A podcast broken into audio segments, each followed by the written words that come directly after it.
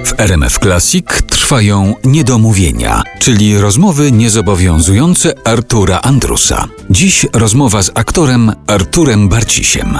Zatrzymajmy się przy piosence, bo to jest przecież gatunek dla ciebie bardzo ważny.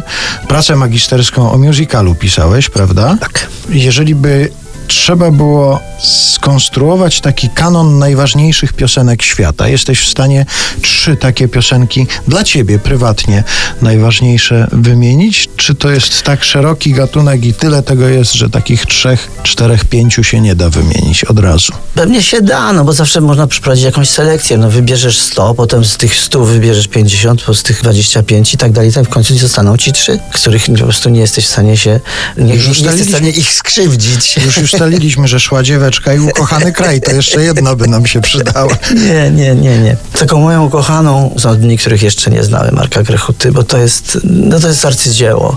No mógłbym, mógłbym słuchać bez końca Ewy Demarczyk właściwie prawie każdego utworu, ale Groszki i Róże to jest taki utwór, który jest we mnie, po prostu on jest we mnie. Ja, jeżeli można, można powiedzieć, że kocham jakąś piosenkę, to, to jest to.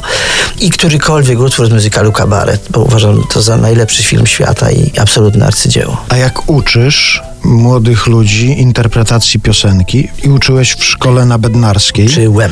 No właśnie, to jak uczyłeś ich w szkole muzycznej na Bednarskiej piosenki, to był jakiś kanon, po który sięgałeś zawsze, że wiedziałeś, że od tych piosenek powinni się zacząć uczyć piosenki. Ja robiłem to w ten sposób, że ponieważ zajęcia miałem dzięki uprzejmości najpierw dyrektora Warmińskiego, a potem dyrektora Cholubka w Teatrze Ateneum, na scenie na dole, tam na dole mieliśmy zajęcia, to zawsze nie przygotowywałem indywidualnie, każdy indywidualnie miał swoją piosenkę, ale razem składało się to na jakiś y, spektakl. I każdy semestr kończył się jakimś zbiorowym występem, w którym każdy miał swoją funkcję. Nie wychodził, że teraz pani zaśpiewa, a teraz pani zaśpiewa, tylko to był zawsze zbiorowy, były też zbiorowe piosenki i to był zawsze na jakiś temat, czyli na przykład śpiewaliśmy Chopina.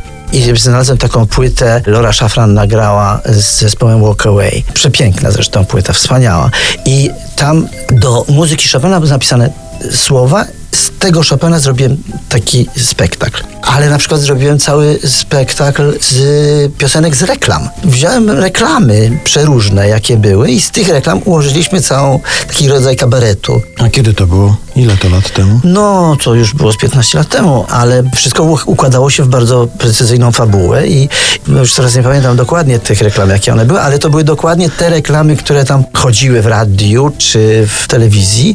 Ale teraz myślisz, że też by się dało coś takiego Tak, zrobić? oczywiście. No ale teraz głównie są piosenki, kiedy jesteś cała wzdęta na przykład. No to właśnie, to, jest bardzo wspaniały materiał kabaretowy. Do tego, kiedy jesteś cała wzdęta, a ktoś podchodzi i mówi i, i, i śpiewa piosenkę o tym, że tam na przykład najważniejszy jest korzeń na przykład, no i, i, i tak dalej, i tak dalej. A zinterpretować piosenkę reklamową po aktorsku to jest coś fantastycznego, bo przezabawne to było. Ludzie ryczeli ze śmiechu. Trzy razy piaf. To z kolei był dyplom, praca dyplomowa trzech uczennic, z którymi robiłem dyplom. I potem ten dyplom zobaczył dyrektor Holubek i powiedział mi, to zrób to z zawodowymi aktorkami u nas w teatrze. No i dzięki temu zagraliśmy trzy razy piaf 250 razy, a potem to zrobiłem jeszcze w kilku innych teatrach, bo pomysł był po prostu fajny i warto było to kontynuować. No i tak dalej, i tak dalej. No, tak lubiłem to robić.